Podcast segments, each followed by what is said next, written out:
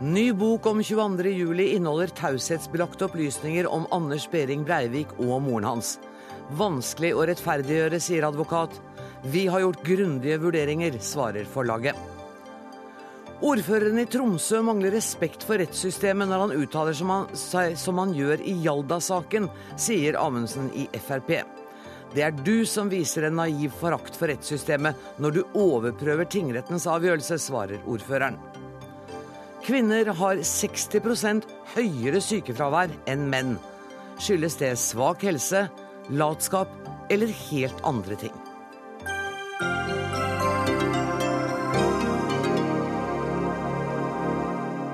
Dette er noen av sakene i Dagsnytt 18 denne torsdagen, der vi også stiller spørsmål om det er rimelig at stortingsrepresentanter har 105 dagers sommerferie.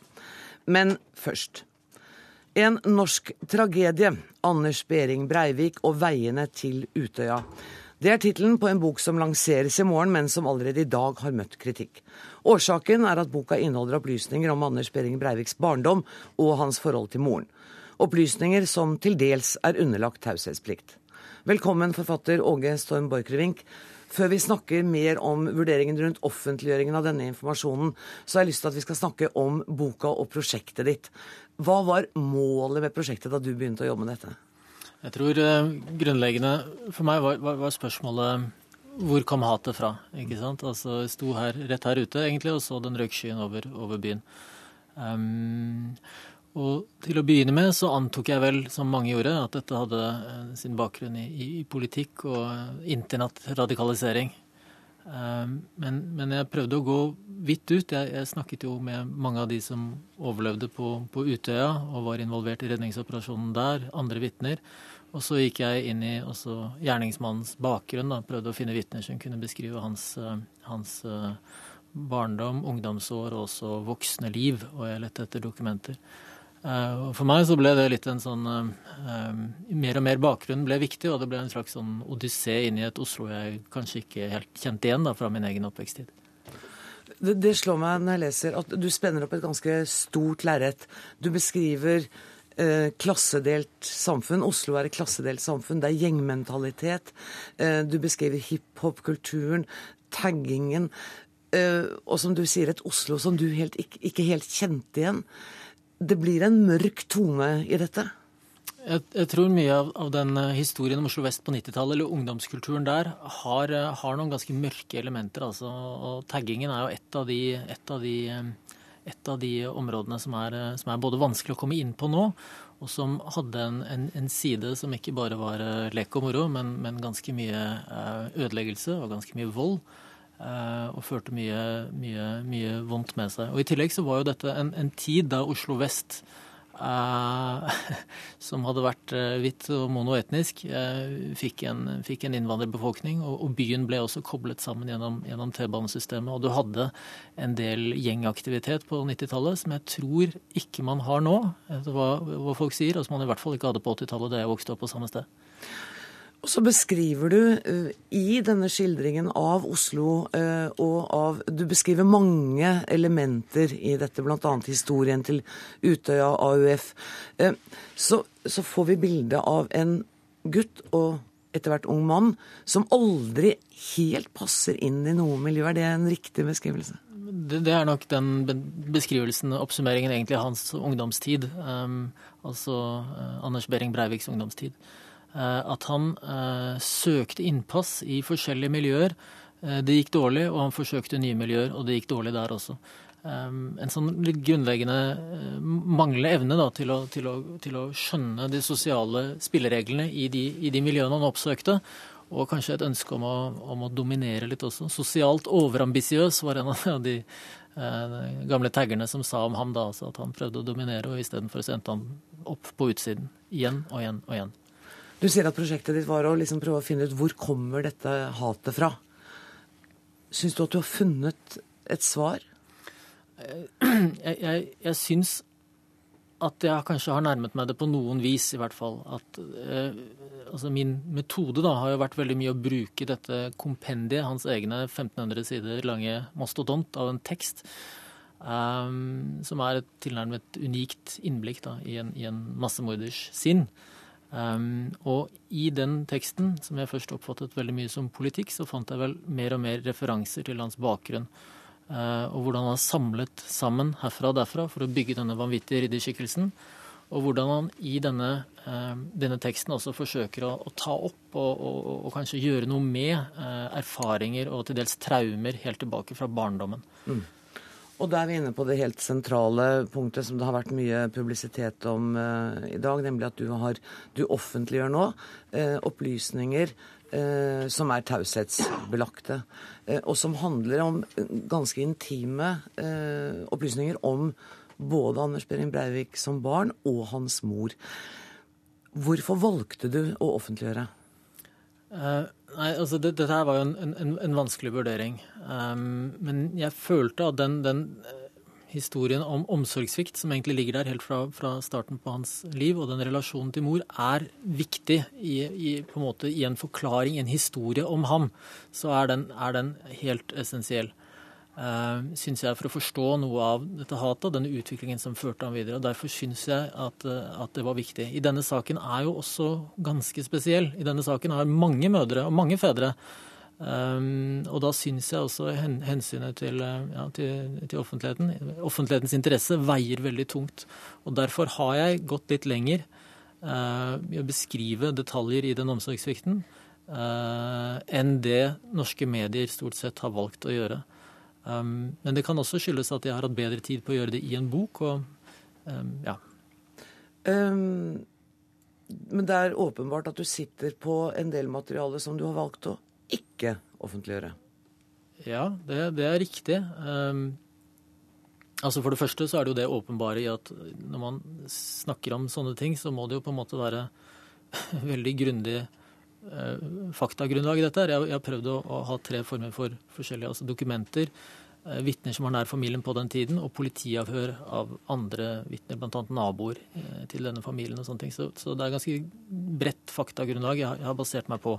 Men jeg har tatt ut en del ting som jeg føler ikke er så viktige på detaljnivå, og, og som dessuten kanskje berører personer som er litt, litt mindre sentrale da, i Breiviks liv, og, og, og, derfor jeg ikke føler at det er så viktig. Så det har vært en, en sånn vanskelig balanse, men, jeg, men, men jeg, jeg, håper jo, eller jeg tror jo at jeg har fått fram hovedsaken da, i, i, denne boken her, og, prøve å fortelle en historie om, om, om Breiviks utvikling. Forlagsdirektør i Gyllendal Litteratur, Einar Ibenholt. Personvernet til mor må dere jo ha diskutert da dere diskuterte om dette skulle offentliggjøres eller ikke? Ja, det er den ene av de to viktige motsetningsparene her. Det, det, det, utgjøres av personvernet på den ene siden og ytringsfriheten og offentlighetens interesse på den andre. Det er det juridiske aspektet.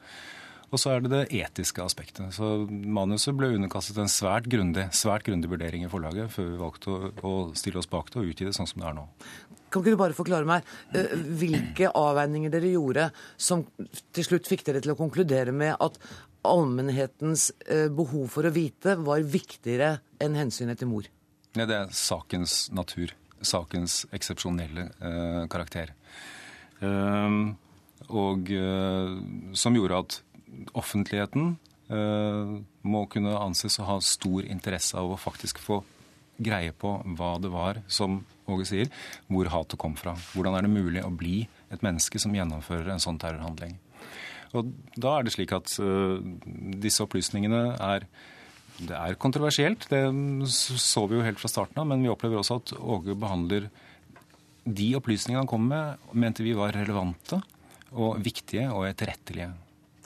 Har eh, Anders Behring Breiviks mor eh, fått anledning til å lese gjennom, godkjenne, kommentere manuset?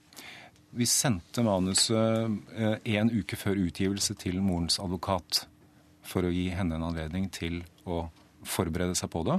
Og også i eh, neste instans ha en anledning til å få prøvet den rettslig før vi utga den. Har dere fått noen tilbakemelding? Nei.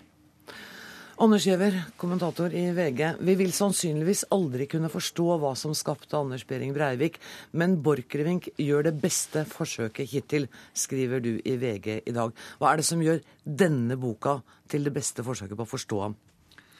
Uh, ja, Det er dels at, at uh, Borchgrevink har skrevet en, en, god bok som er uh, godt sammenfattet og godt researcha og godt presentert. Og så har han på en måte stått friere enn forsøkene tidligere, for da har det vært um, ja, vi har kjørt bits and pieces, eller uh, stykkevis og delt i, i, mediene. Så har du hatt to psykiatriske evalueringer og en rekke vitneutsagn i um, retten som har tatt for seg deler, men som også har Disse psykiatriske evalueringene har jo hatt et mål om å finne ut tilregnelig eller ikke tilregnelig. Og Borchgrevink har da brukt sitt mandat, eller hva man skal kalle det, til, til å prøve å tegne et bilde mm. og skape en teori om hvorfor det gikk galt. Mm. Han eh, offentliggjør opplysninger som jeg er helt sikker på at din redaksjon også har sittet på. Eh, hva er grunnen til at dere ikke har offentliggjort disse opplysningene? Det er, eh, ja, det er, egentlig et spørsmål for redaktørene mine, men, ja, men det, er nok, det, er nok, vesentlig grad at det går utover det vi mener da er uskyldige tredjepersoner, mm. og, og, deres rett til, til privatliv. Og, og ja, dette går jo da både på morens uh, sykdomshistorie og, og hennes uh, mentale tilstander på forskjellige tidspunkter som han mener tilhører privatlivets fred. Men i dag mener du at det var feil å utgi de opplysningene nå? Nei, altså Jeg slipper heldigvis å ta den avgjørelsen, for jeg er bare en, en skarve, vanlig journalist på kommentaravdelingen. Eh, jeg går ut fra at man har balet med det på, på redaktørnivå. Men det er på en måte litt viktig å, å understreke at eh, Eh, Borchgrevink har ikke skrevet noen fasit i saken. Dette er ikke løsningen, dette er ikke svaret. Og, og, hvis du først skal begynne å se på det sånn, så er det ganske store huller. Mm. Eh, vi vet at, at, det var en krise tidlig i denne lille familien, eh, tidlig på 80-tallet. Men etter det så har det jo ikke vært noe. av Alle Vi vet jo også at, at Anders Behring Breivik hadde veldig gode venner. Nære venner. Venner som brydde seg om han var glad i han, sto fram i retten og, og prøvde å Så at eh, bildet er enda mer komplisert. Men jeg føler at Borchgrevink har, har, har, klart å, å gripe fatt i noe av det og gi en forklaring som jeg tror mange mennesker vil eh, kunne relatere seg til, i og med at vi, vi gjerne legger ting til barndommen når, når noe går veldig galt med mennesker. Eh, han har fått kritikk i dag eh, av, fra folk som sier at han legger skylden på mor, og at, at forklaringsmodellen Leser du boka slik? At... Nei, det syns jeg er altfor enkelt å si. Men han, han plasserer mye av Eh, ansvaret for det som skjedde med Anders Behring Breivik, eller hans utvikling, på ting som skjedde tidlig i barndommen, uten å kunne ha liksom, det store belegget for det. Men han sier jo ganske square i boken at dette er min teori om, om hvorfor det gikk som det gikk. Kjell Steffner, du er medlem i Advokatforeningens IKT- og personvernutvalg. Er det rimelig at hensynet til personvernet blir satt til side for et større hensyn, nemlig hensynet til at allmennheten skal få vite? Ja, det er jeg litt spent på å høre. og det får vi kanskje mer om i denne debatten. her. La meg først si det at eh, jeg har ikke lest uh, boken. Det skjønner jeg. Men, jeg, men jeg, skjønner, det skjønner at vi er enige om at uh, det er et brudd på taushetsplikten. Uh, taushetsplikten eksisterer for å beskytte både moren og Breivik, faktisk. Og vi snakker her om sensitive personopplysninger. Det er helseopplysninger.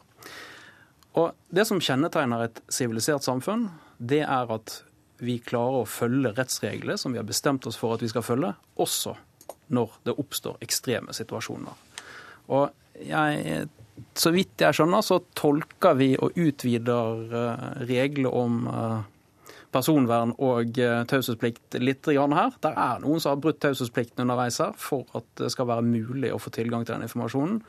Og jeg, jeg, jeg klarer ikke å gripe helt hva er det som gjør at hensynet i Den europeiske menneskerettighetskonvensjonen, artikkel 10 om eh, talefrihet, står sterkere enn artikkel 8, som beskytter personvern og familie. Jeg spiller ballen over til Iben, jeg. Ja, Det er jo nøyaktig de vurderingene som vi har gjort, eh, også med juridisk bistand. bistand. Og uh, det er også slik at dette er et grenseland. Uh, så, men vi kom til at dette var juridisk innenfor. Uh, og, men det viktigste tilleggsaspektet er den etisk forsvarlige måten det er gjort på. Og det, hvis det er, For det, det, er et grenseland både juridisk og etisk, ikke sant? Hva legger du mest vekt på? Ja, jeg tenker som så det at Vi har rettsreglene som en sirkel innerst. Og så kan vi vurdere er det er det brudd på rettsreglene her. Uh, jeg sliter fremdeles litt med å se argumentasjonen for hvorfor det ikke er det. Eh, men der er nok en del finere juridiske vurderingstemaer som er foretatt. og La oss si at det er i en gråsone. At det kanskje er riktig. Eh, men, og utenfor der så har vi en sirkel som heter etikk. Og det er kanskje det vi eh, bør diskutere i denne sammenhengen. Er det like fullt La oss si at det er rettslig anledning til å bruke den informasjonen. Er det etisk forsvarlig, da? Fremdeles. Ja. Hva tenker du? Jeg tenker nei. Du tenker nei. Ja. Uten å ha lest boka, og, men, men det Men bare jeg det faktum at man bryter taushetsplikt, er nok til at du er bekymret over etikken i det. Ja, og så vet jeg jo det at retten har vurdert uh, det samme temaet og sagt at uh, nei, vi bruker ikke den informasjonen. Men kan det hende at retten kan ha gjort en feil her ved å ikke gå dypt nok inn i dette materialet? Selvfølgelig. Det finnes ikke noe fasitsvar. Ja, vær så god. Jeg har lyst til å, eh, til å replisere kort. Um, det, altså, eh, Grenseland åpenbart, og eh, etisk vanskelig også åpenbart. Eh, jeg har konsultert også med mange eh, eh, før, før jeg tok dette valget. Um, og, og I det arbeidet så har jeg også snakket med noen av, eh, av de som ble direkte berørt av, eh, av eh, katastrofen 22.07. Uh, som da legger vekt på at de har et ønske om å forstå. Um, og Det syns jeg er noe som teller med i en, i en, eh, i en helhets, uh, helhetsvurdering her. altså. La meg på si at jeg har respekt for det. ja, vi er nødt til å avrunde. Jeg har bare lyst til å spørre Anders Giæver til slutt. Er dette en viktig bok for å begynne å forstå hva som skjedde 22.07.? Ja, det tror jeg. Og eh, på en måte er det en spekulativ bok ved at den spekulerer rundt en del fakta, men den er ikke spekulativt skrevet eller presentert. Det er en veldig ordentlig og, og skikkelig bok, selv om den ja, altså da øh, kanskje bryter noen, noen grenser for øh, hva man eventuelt bør offentliggjøre. Tusen takk for at dere kom, Åge Storm Borchgrevink, Einar Ibenholt, Anders Giæver og Kjetil Sletner.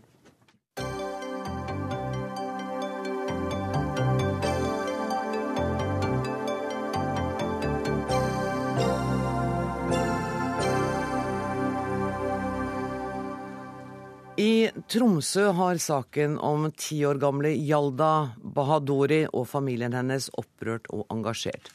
I sommer ble avslaget på søknad om opphold på humanitært grunnlag opphevet av Oslo tingrett. Men den saken har UNE nå anket til lagmannsretten. Og denne saken har du engasjert deg sterkt i, Jens Johan Hjort, ordfører i Tromsø for Høyre. Hvorfor har denne saken blitt så viktig for deg? Ja, Det har den fordi eh, jeg har satt meg inn i Hjaldas eh, skjebne. Jeg har lest alle saksdokumentene, og jeg er kommet til at UNEs avgjørelse var gal i forhold til gjeldende lovgivning. Og nå har jeg da fått Oslo tingretts bekreftelse på mitt syn på den saken. Og så er det altså slik at Jeg er ordfører i Tromsø. Jeg skal i utgangspunktet være varsom med å blande meg inn i statlige anliggender. Men ved min tiltredelse så har jeg sagt at jeg skal være ordfører for hele Tromsøs befolkning. Og da er det viktig for meg å også være ordfører for en Tromsø-jente som har hele sin forankring i Tromsø. Hun har vært her i fire år. Hun har nesten levet hele sitt liv i Skandinavia. Hun går på skole, går på teater, snakker flytende tromsøværing, i motsetning til meg. Hun, hun er rett og slett en Tromsø-jente som jeg kjemper for. Hva synes du om engasjementet til Hjort, stortingsrepresentant for Fremskrittspartiet, Per-Willy Amundsen? Jeg må si at jeg er ikke her for å, for å forsvare systemet. Jeg har også stor sympati for ti eh, år gamle Hjalda. Det er ikke det det handler om. Men jeg reagerer litt på den populismen, den litt opportunismen som jeg opplever at Hjort har, har, stått for i denne saken, med, med veldig høyt mediatrykk rundt det, og, og hvor han går ut og, og på å si, angriper UNE i forhold til at UNE anker saken. Kommet med en del andre uttalelser som, som jeg reagerer sterkt på.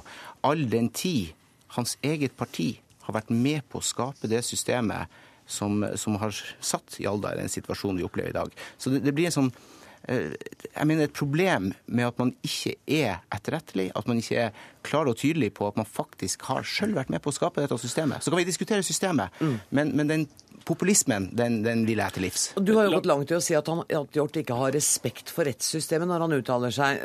Hvordan begrunner du det? Altså, jeg mener han i hvert fall ikke har uh, respekt for at uh, systemet får lov å fungere. Nå er det en sak som går for retten. Den er anka etter tingrettsdommen til, til, lagmannsretten, og vi må selvfølgelig påvente det. Så han burde holdt kjeft til lagmannsretten hadde uttalt seg? Altså, jeg, jeg, skjønner ikke poenget med å, med å kritisere på den måten som man gjør, og, og, og se bare fra ei side, diskutere det fra ei side, og ikke se det store, store problemstillingen som ligger i denne saken. Evner du ikke det, Hjort? Evner du ikke å se den store problemstillingen, og at det faktisk er en del av et system som ditt parti har vært med på å bygge opp? Jo, det gjør jeg. Eh, og jeg har ikke noe problem med at mitt parti har vært med på å bygge opp dette systemet. Eh, men eh, det er altså et faktum at Oslo tingrett har kommet til at UNE ikke har fulgt dette systemet. At den avgjørelsen som UNE har truffet, er gal. Og når Per-Willy ber meg til å i, i da, intervjuet med i Tromsø om å forholde meg til lovverket som jurist og beskylder meg for å motarbeide rettssystemet, og i samme åndedrag sier at uh, han håper at lagmannsretten treffer en avgjørelse som sender Jalda ut av landet, uh, så lurer jo jeg litt på hva slags respekt uh, Per Willy har for systemet. Fordi faktum i denne saken er at Jalda har vunnet over UNE i tingretten. UNE er idømt fulle saksomkostninger. Eh, de saksomkostningene de forfalt 14 dager etter at eh, dommen ble forkynt. Og så har Hjalda en midlertidig forføyning som gir henne rett til å oppholde seg i Norge inntil saken er rettskraftig avgjort. Det, det Per-Willy gjør, Eh, ved å uttrykke håp om at lagmannsretten sender Hjalda på hodet ut av landet, det er at han setter seg over ting, Oslo tingrett, eh, og det tilsynelatende utelukkende basert på egen ideologi. Det, altså, det, det er for det første ikke riktig. Eh, jeg og det Fremskrittspartiet har uttalt seg i forhold til den saken, er at for det første, denne saken ville aldri ha oppstått dersom Fremskrittspartiets politikk lå til grunn. Da ville man ha fått avgjort saken og gjennomført en utsendelse langt tidligere, sånn at hun ikke hadde opparbeidet tilknytning til riket, sånn som, som gjort vektlegg her. Og så er poenget her... Men har du ikke sagt at du håper at lagmannsretten kommer til den avgjørelsen? Jeg, jeg håper at eh, man står for prinsippene i norsk eh, innvandringspolitikk. Men har du sagt at du håper at lagmannsretten kommer Men hør nå her, så er det ikke riktig som Hjort sier. fordi at når man går inn i tingrettsdommen, så fremgår det helt klart at, at eh, hensynet til, altså innvandringspolitiske hensyn, hensyn til å begrense innvandringa til riket, er, går foran hennes tilknytning til riket. Så det er ikke bare, noe diskusjon. Men jeg har bare lyst til å høre her... Til, generelt i forhold til familiegjenforeningsbestemmelser for Moldova. Altså det, det, blir litt teknisk. Men, jo, men og dropp det. Kan ikke ja, ja. vi bare vite om vi kan ta Hjort i sitatfusk her? Har du aldri sagt at du ønsker at lagmannsretten skal komme? Jeg mener at alle som misbruker systemet, og det gjelder ikke Jalla, hun er uskyldig jente midt oppi det hele. Jeg kan, jo, men så jeg kan lese høyt fra i Tromsø. Jeg mener, hør her, Hør her, det her er ikke en diskusjon uh, gjort i forhold til Du har sitert i Tromsø, Per-Willy. Så det, i, i, i, Tromsø så står det at du håper og tror at lagmannsretten treffer en avgjørelse som sender Jalda og familien ut av landet. Når jeg leser anken til UNE, ja. Men så er det altså sånn at dette er ikke en sak som bare handler om Jalda. Det handler også om hennes foreldre, som da på urettmessig grunnlag har vært i Norge gjennom flere år, tatt seg til rette og, og misbrukt den norske godheten, om du vil. Og det skal ikke vi belønne. Som, vi kan ikke ha en innvandringspolitikk som belønner de som misbruker systemet, mens andre som forholder seg korrekt og ordentlig og skikkelig og reiser hjem når de skal gjøre det, eh, ja, de må bare akseptere det. Men, det, er, nødt til å problemer i forhold til denne saken? Vi har en, vi, har en, vi har en til i studio, og det er statssekretær Pål Lønseth i Justisdepartementet. Og jeg skal ikke be deg kommentere en enkeltsak, for det vet jeg at du ikke kommer til å gjøre. Men til gjengjeld har du skrevet en kronikk i dag på NRK Ytring. Mm hvor du sier at enkeltsaker i altfor stor grad får dominere medias dekning av innvandringspolitikken. Hva fører det til, sånn som du ser det? Eh, først er det viktig å understreke at jeg syns det er bra at også enkeltsaker belyses. Okay. Det er viktig, eh, fordi innvandringspolitikk handler også om enkeltsaker definitivt, og enkeltindivider ved siden av andre ting. Eh, men, eh, men, det som er faren, er at hvis enkeltsaker dominerer i en, i en grad at de blir framstilt eh, ensidig fra det individets Altså ensidig fra den personen som enkeltsaken gjelder. Og at man ikke løfter dette bildet opp og spør etter alternativer. Hva er alternativet til politikken? Hvilke konsekvenser har det hvis hvis eh, f.eks. regjeringen skal endre innvandringsreglene slik at den og den personen får lov til å bli. Eh, mangler, syns jeg, ofte i å lete etter eh, sammenhenger og helhet i politikken. Eh, det, er, eh, det er det jeg har skrevet om i dag. Og nå har vi nettopp hatt en debatt eh, hvor altså ordførerne i Oslo, nei, i Oslo i Tromsø eh, har altså engasjert seg sterkt i en enkeltsak. Burde han holdt kjeft, da? Jeg syns det er bra at ordfører engasjerer seg i enkeltsaker. si hva du mener nå. Burde ja. han holdt munn? Eh, nei, det syns jeg for så vidt ikke at han burde holdt munn. Eh, men det som er kanskje man skal gjøre, er å respektere at også eh, UNE som et forvaltningsorgan har både rett og plikt til å vurdere om den rettsavgjørelsen de nå i denne saken har fått mot seg, om den bør ankes. Det er både retten og plikten som ligger til UNE. Det er en samfunnsoppdrag. Og så kan man mene for eller mot om det burde vært gjort. Og det, det er for så vidt greit eh, at eh, Hjort mener at det ikke burde gjort det. Eh, det skal ikke jeg ha noen formening om, for denne saken står for, for domstolen. Mm. Men det jeg, det jeg har etterlyst i dag, er altså en bredere tilnærming til de, de problemstillinger som disse enkeltsakene eh, berører. Eh, og en mer helhetlig tilnærming i innvandringsjournalistikken. Jeg lurer på, Kunne jeg fått lov til å presisere hva, hvilke to ting jeg kritiserer ved UNEs handlemåte i denne Gjør det, Hjort. Ja. Eh, det er to, to, ting som spesielt provoserer meg. Det ene er at UNE har brukt 30 dager på å ta stilling til om de skulle anke denne eh, dommen. Det er det formell adgang til, men her er det menneskelige hensyn som gjør seg gjeldende. Det er en tiåring som har en usannsynlig tung bør på sine skuldre. Eh, hun eh, kan risikere å bli sendt ut eh, og skilles fra sin pappa.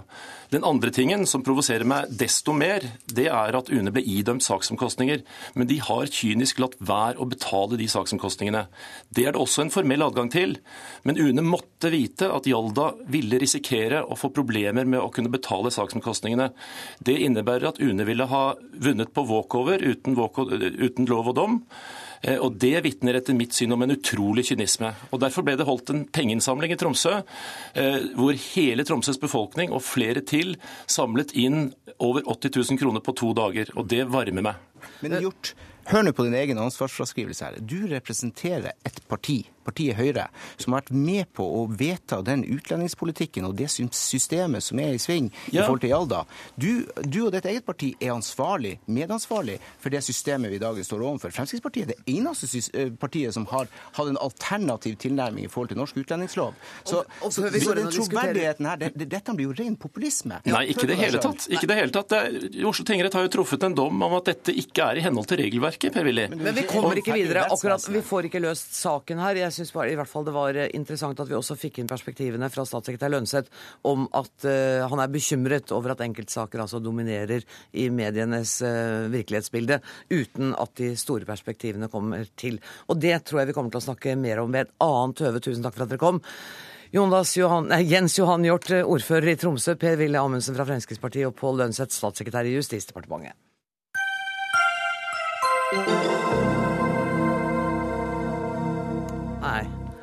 Folkeopplysningen har blitt høstens noe overraskende TV-suksess her i NRK.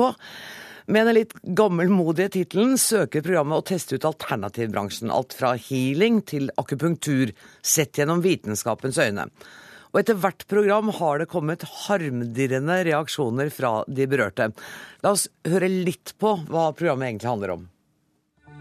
Jeg er ingen ekspert på alternativet, men som fysiker så vet jeg en del om naturens spilleregler og den vitenskapelige metode. I denne serien skal jeg sjekke ut alternativindustrien, hva de lover, hva som fungerer, og hvorfor det at noe er populært, ikke behøver å bety at det virker. Vi kan ikke avkrefte at akupunktur fungerer, men det vi vet ganske sikkert er at det er en veldig trygg måte å utløse placeboeffekten på. Og kanskje trenger medisinen en effektiv og rimelig trygg måte å levere placebo på. Men det er dilemmaer med bruk av placebobehandling. Hva skal legen si? Hva skal behandleren få lov til å love? Skal vi droppe å kreve bevis for dokumentert effekt? Og er det egentlig greit å blande en dose mytologi inn i moderne medisin? Hjertelig velkommen, programleder Andreas Wahl. Du, Programmet har hatt over 600 000 seere på mandager. Eh, så mange av oss har sittet, sittet klistra. Og du er bare slått av Dagsrevyen. Ja.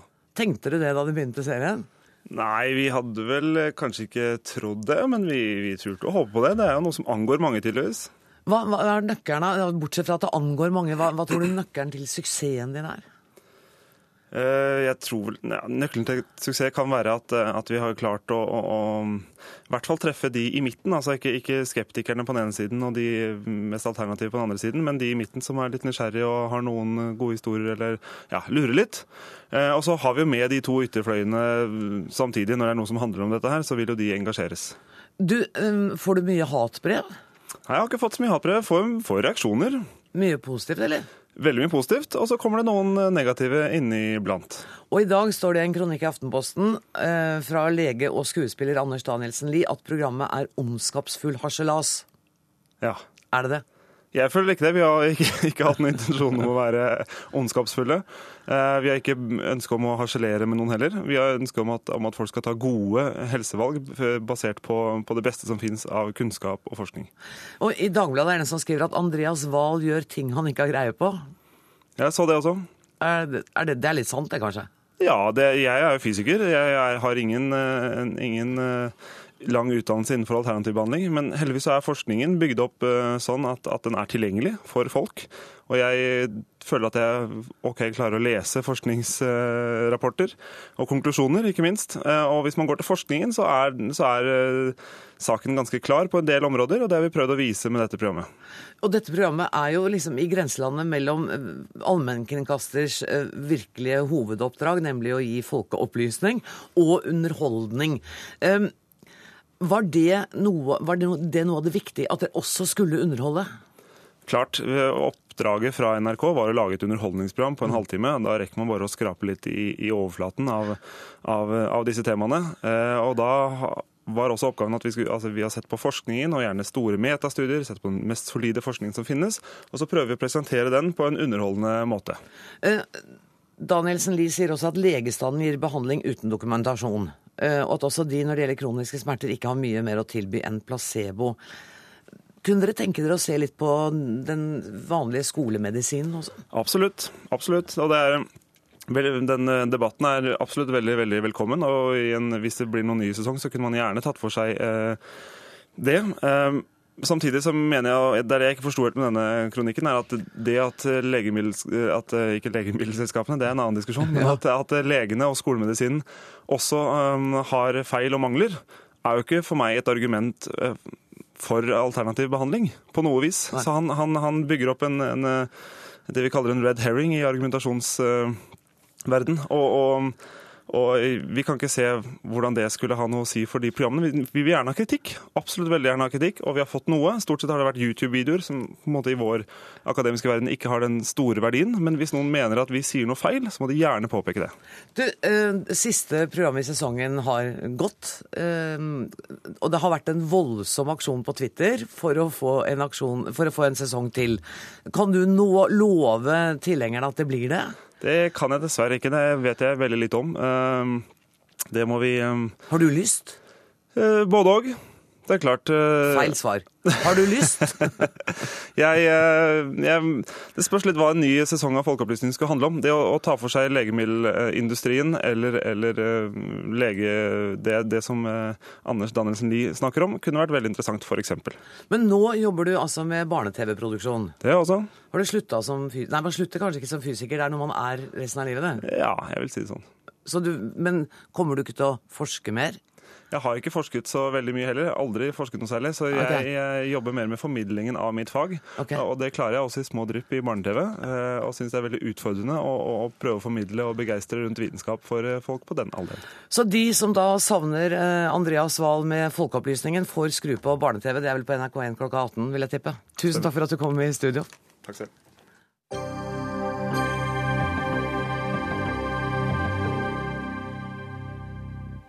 Ja, dette er sendingen med litt kraftige temaskift, tror jeg vi trygt kan si.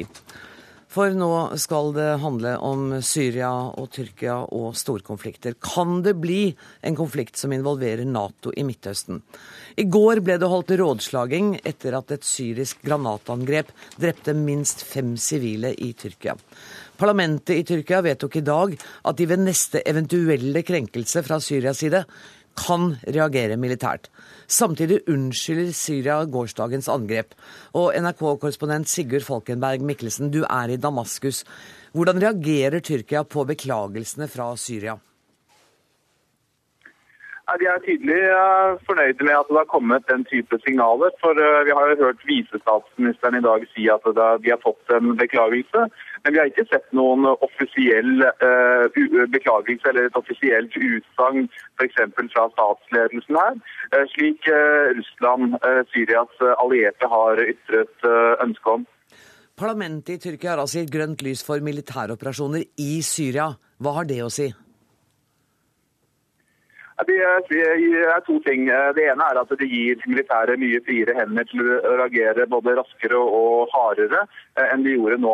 Selv om, selv om de var raske med å sette i gang med artilleribeskytning, så holdt de jo soldatene igjen. Det er det ene. Og det andre er at det sender et signal til syrerne om at neste gang så vil kanskje, vi kanskje slå hardere tilbake enn vi gjorde nå. Er det fare for at denne konflikten kommer til å vokse? Ja, jeg tror det. Jeg tror at faren er til stede. og Det sendes soldater til eh, grenseområdet.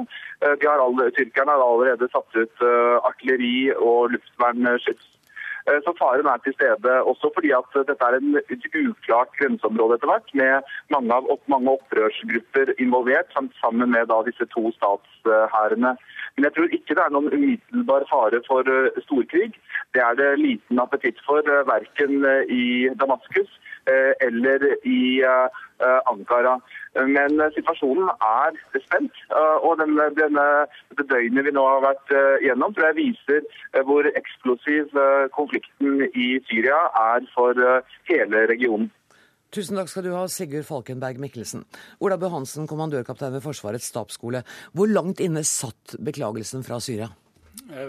Det er et godt spørsmål. En, her ligger det nok mye vurderinger bak. Jeg tror egentlig ikke han satt så veldig langt inne. Jeg tror nok at er at syrerne nå har, har nok å stri med, om, om, ikke også at det skal bli på en måte en eskalering i grenseområdene mot Tyrkia. I ettermiddag så blokkerte Russland en uttalelse fra FNs sikkerhetsråd som skulle fordømme det syriske angrepet.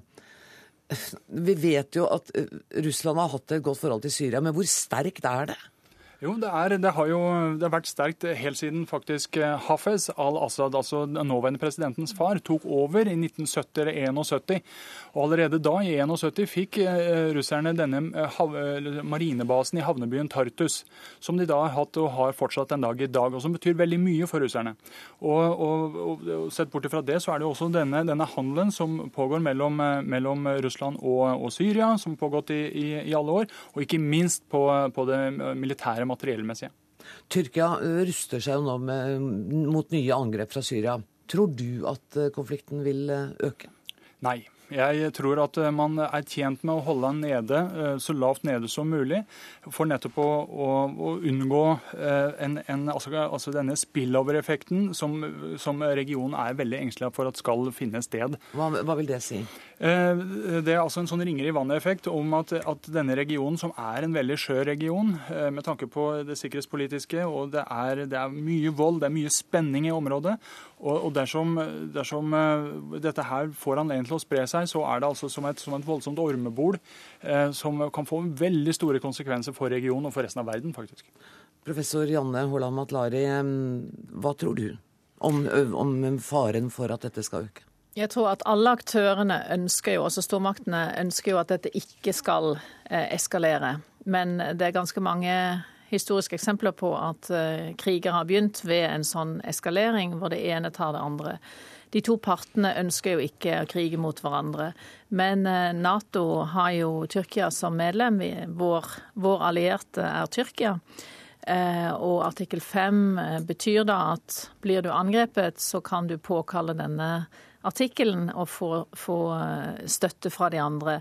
Det som bekymrer meg i dette, det er på en måte det som er, kan være ukontrollerbart i regionen, ja. Men også stormaktspolitikken som ligger bak dette. Fordi Russland forsøker nå å skape en slags 50-50 eh, her. At uh, Syria ja, de gjorde en feil, men Tyrkia også. Og de blokkerte som sagt denne viktige fordømmelsen av grensekrenkelsen i dag i FN.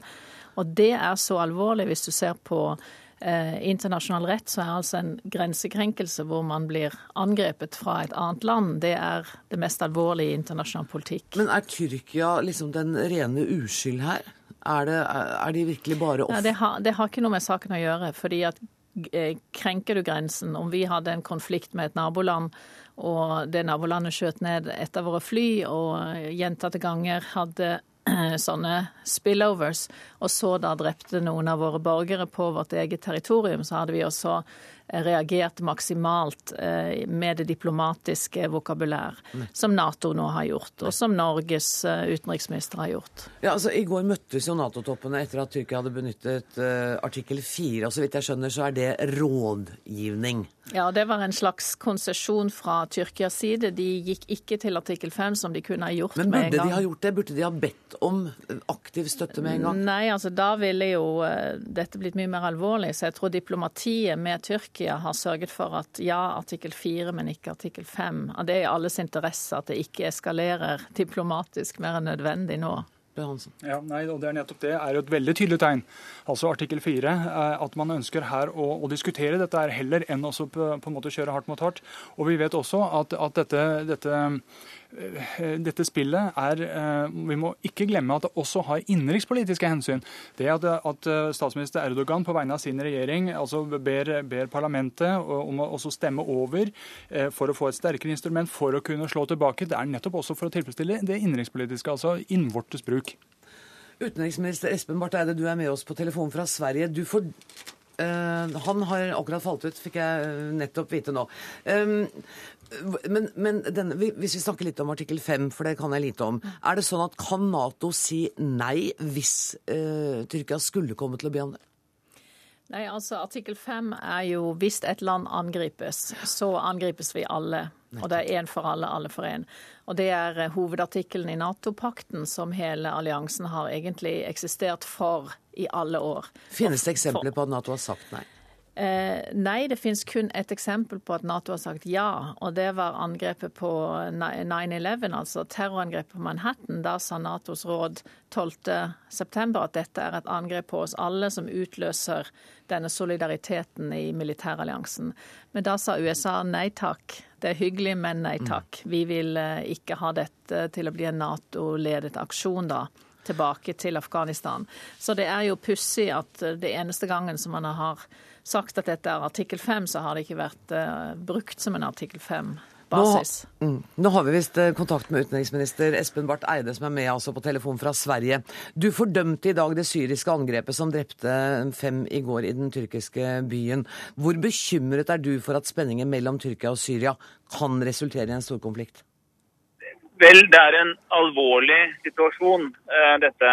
Og, men jeg er enig med både Falkenberg Mikkelsen og Olav Bø Hansen at det er mest sannsynlig at akkurat dette ikke eskalerer videre. For jeg opplever at våre allierte Tyrkia spiller alle kortene helt riktig. De går til uh, Nato og ber om konsultasjoner etter artikkel 4, altså ikke artikkel 5.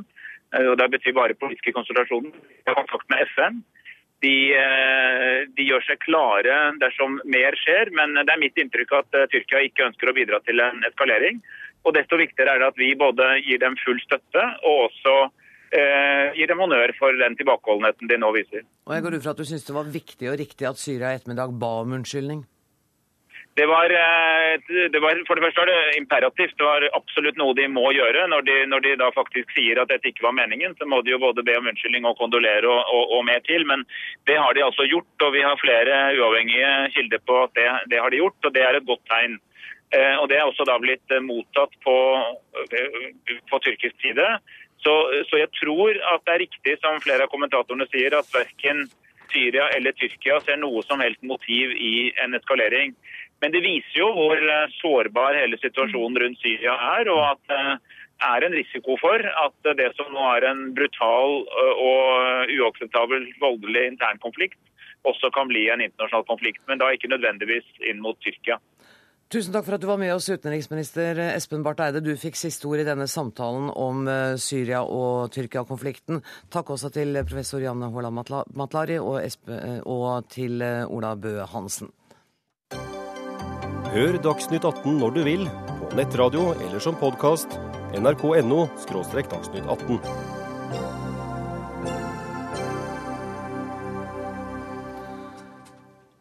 Nye data viser oss altså at norske kvinner stadig blir sykere og sykere.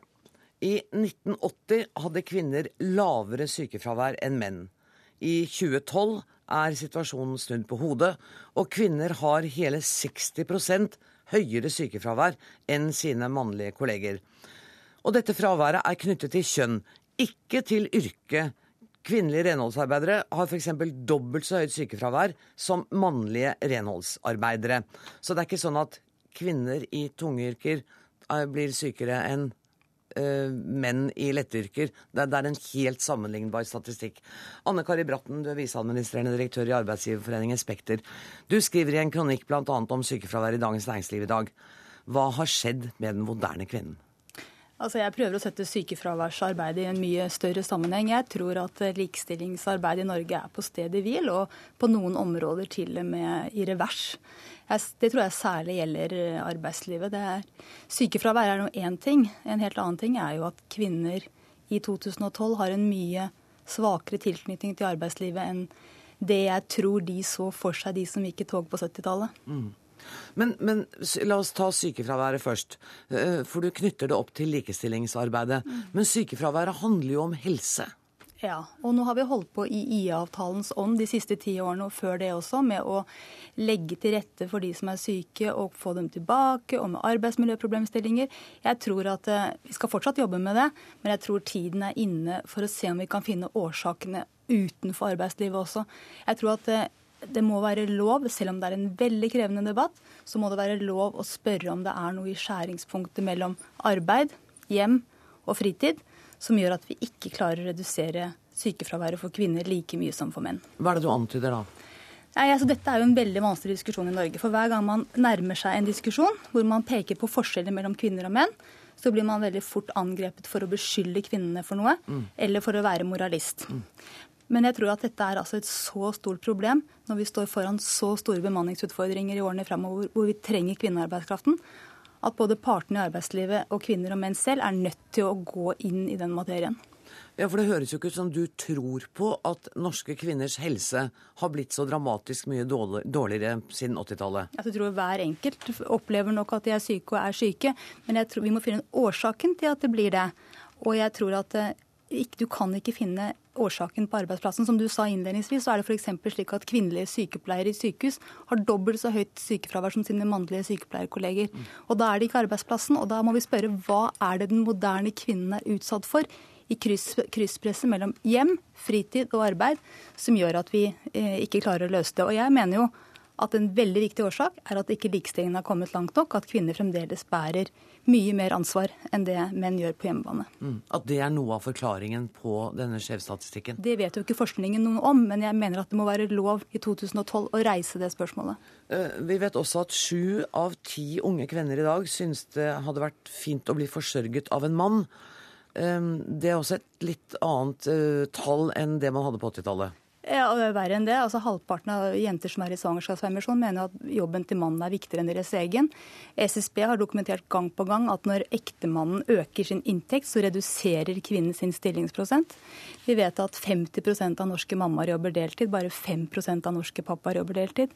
Norske kvinner, altså 41% hver fjerde norske kvinne jobber deltid. Det er på ingen måte bærekraftig over tid. Og det må være lov å spørre hvorfor har vi kommet i den situasjonen at kvinner ikke jobber mer? Kan det være slik at norske unger har det bedre i dag enn de hadde det på 80-tallet fordi at mamma er mye mer til stede? Jeg tror ikke det. Jeg tror, jeg tror norske unger har det veldig bra. Anniken Huitfeldt, arbeidsminister. Eh, hva tenker du om disse tallene? Du har jo sagt at dere må sette i gang prosjekter for å få redusert dette høye sykefraværet. Ja, jeg kjenner meg igjen i det Barten sier om at dette er et tabubelagt område. For da vi inviterte flere forskere til å si noe om dette, så ville de gjøre det i et lukket forum fordi de var redd for at én ting ble tatt ut av sammenhengen, og så ble det på en måte en veldig tabloid diskusjon om uh, hva slags holdninger kvinner hadde.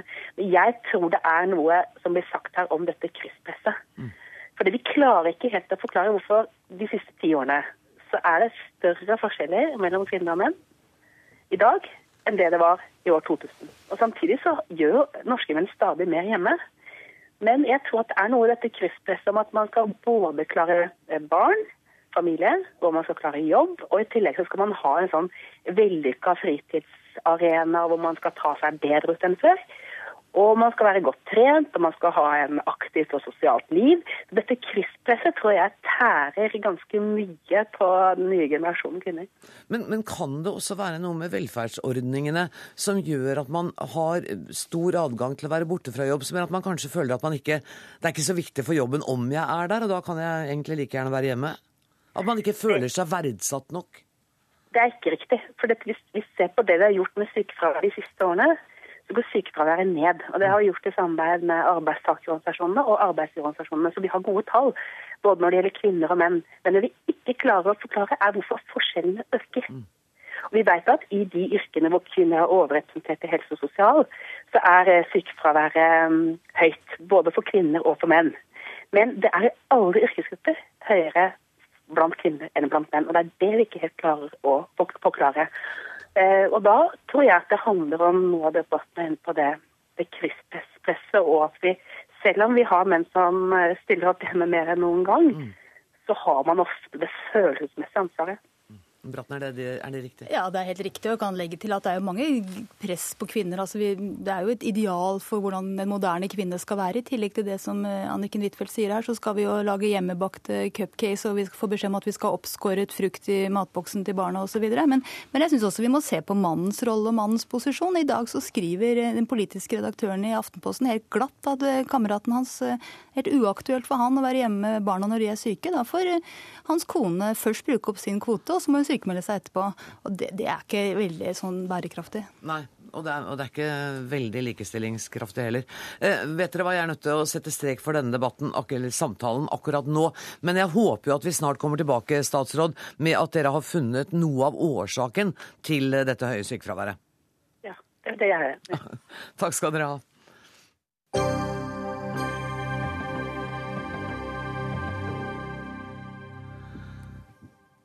Stortingsrepresentantene har denne uka endelig kommet tilbake fra sommerferie etter 105 dagers fri.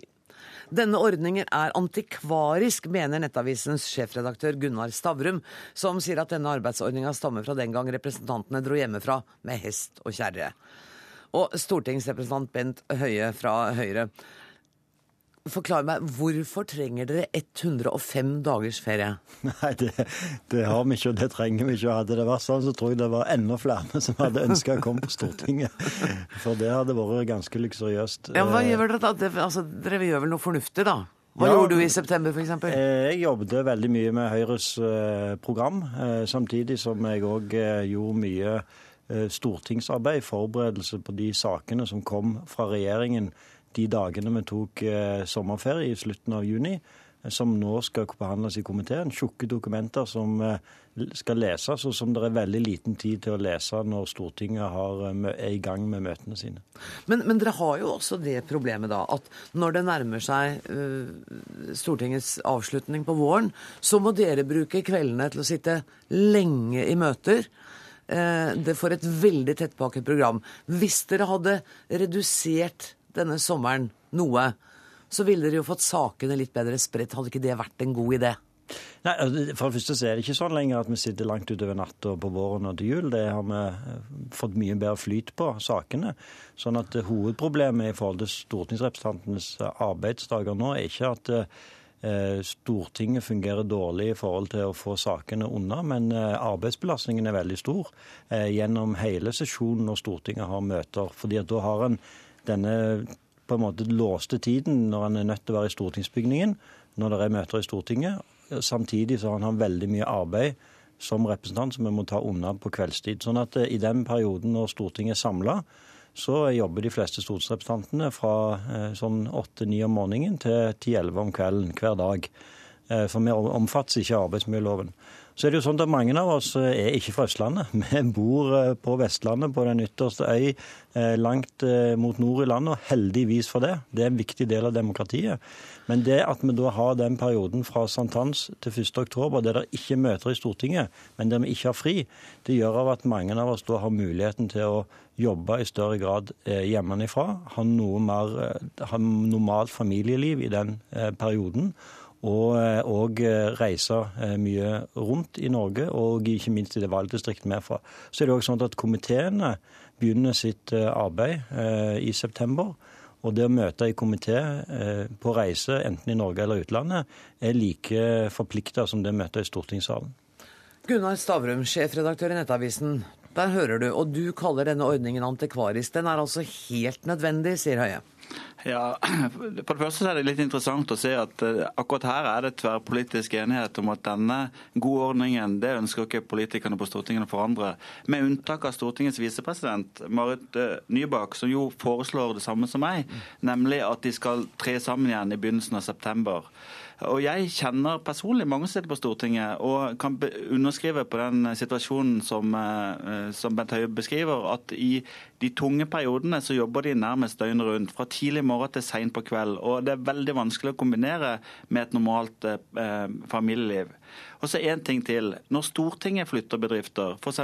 Statoil til Stavanger eller andre etater ut av Oslo, så bevilger de ikke de ansatte 105 dagers ferie for å komme til hektene på hjemmebane. De forlanger at de ukependler, og at de faktisk bruker eh, normal kommunikasjon for å komme seg fram og tilbake. Ja, altså Det som er poenget mitt, er at vi har ikke ferie. sånn at eh, og Det, det syns jeg er litt sånn eh, ødeleggende for denne diskusjonen. fordi at både du vet, og dine kollegaer i media som slår opp dette hvert år, vet veldig godt at stortingsrepresentantene ikke har ferie i den perioden. De fleste stortingsrepresentantene har eh, tre til fire uker ferie i de årene der ikke er valg, som en har fri. Eh, de årene der er valg, så har en ofte bare én til to uker det forslaget du kom med, ville uansett bare vært mulig å gjennomført annethvert år de årene det ikke er valg. For jeg tror ingen mener at det er en god idé at Stortinget har møter mens det er valgkamp. Det hadde ført til en vanvittig sentralisering av eh, valgkampen når vi skal være ute og møte folk, enten det er lokalvalg eller stortingsvalg. Det er et godt poeng, Stavrum. Det ville jo bare vært annethvert år. Ja, nå er det jo annet, nå er det hvert fjerde år så er det jo kommunevalg. Så er det en del som mener at vi har egentlig nok med rikspolitikerne til stortingsvalgene.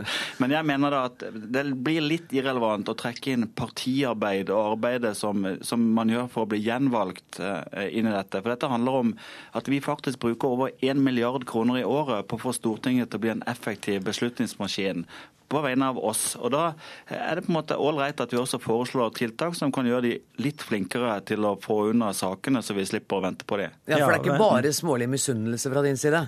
Overhodet ikke. Jeg tror, jo, jeg tror, jo, at Bent Høie og ganske mange stortingsrepresentanter jobber svært mye, men jeg tror de kunne jobbet vesentlig mer effektivt, og at få ville innstilt seg sånn som Stortinget gjør nå, hvis de hadde begynt en ny bedrift. Ja, men eh, altså, det, det, er jo en grunn til at det er ganske tverrpolitisk enighet om at denne ordningen fungerer. Det er jo fordi at vi som har erfaring med å jobbe, og jeg har jobba nå i dette systemet i tolv år, vi ser faktisk at Spesielt... At det er ganske deilig å ha Nei, nei, nei. altså vær så snill. vær så snill. Det er ingen, ingen representanter som, som har det. Og hvis de har det, så blir de ikke gjenvalgt, for å si det sånn. Så det er ganske effektiv utluking av de som er late på Stortinget. De får ikke fornyet tillit. Men, beklager, det var helt ja, utilbørlig. Ja. Men det som, er, det som, er, mitt poeng, det er at eh, jeg ser selv jeg er en av de representantene som har valgt at vi bor i Stavanger. Jeg vil ikke flytte til Oslo. Eh, når jeg er stortingsrepresentant, fordi jeg har ønsker å ha, eh, på en måte føle at det er det som er hjemme. Hadde det ikke vært for den perioden der jeg hadde noe mer mulighet til å ikke bare være helgene hjemme, men òg ha arbeidsdager hjemme over noen flere dager, og ikke nødvendigvis jobbe eh, fra tidlig morgen til sent på kveld, men òg ha en normal ettermiddag sammen med venner og familie, så hadde det rett og slett ikke vært mulig for meg å, å, og valgt eh, å, å være på Stortinget og samtidig vært for det området som du representerer. Og Det er en forskjell mellom det bedriftseksempelet som, eh, som her trekkes fram. fordi vi er ikke ansatte. og Det er det jeg mener er et veldig viktig poeng. Vi er tillitsvalgte, folkevalgte, som skal ha en nær tilknytning til de områdene vi er valgt ifra. Derfor går det ikke an å sammenligne dette med normalt arbeidsliv. Og Dessuten så har vi helt andre arbeidsbelastninger enn det som er vanlig i arbeidslivet, fordi vi jobber mye, mye flere timer enn det folk flest gjør. Gunnar Stavrum, jeg tror vi kan fastslå at uh, ditt forslag kommer ikke til å gå gjennom i denne stortingsperioden. Men jeg tror jeg er villig til å vedde ganske mye på at det kommer til å gå gjennom om ikke så veldig mange år. For jeg vil jo gi Bent Høie det livet hele året, ja. og ikke bare om sommeren. Flott. Tusen takk skal dere ha begge to. Gunnar Stavrum, sjefredaktør i Nettavisen, og Bent Høie, stortingsrepresentant for Høyre. Og dermed er det slutt på denne utgaven av Dagsnytt 18. Ansvarlig var Siri Hytten. Teknisk ansvarlig var Lisbeth Sellreite. Jeg heter Anne Grosvold. Vi høres i morgen.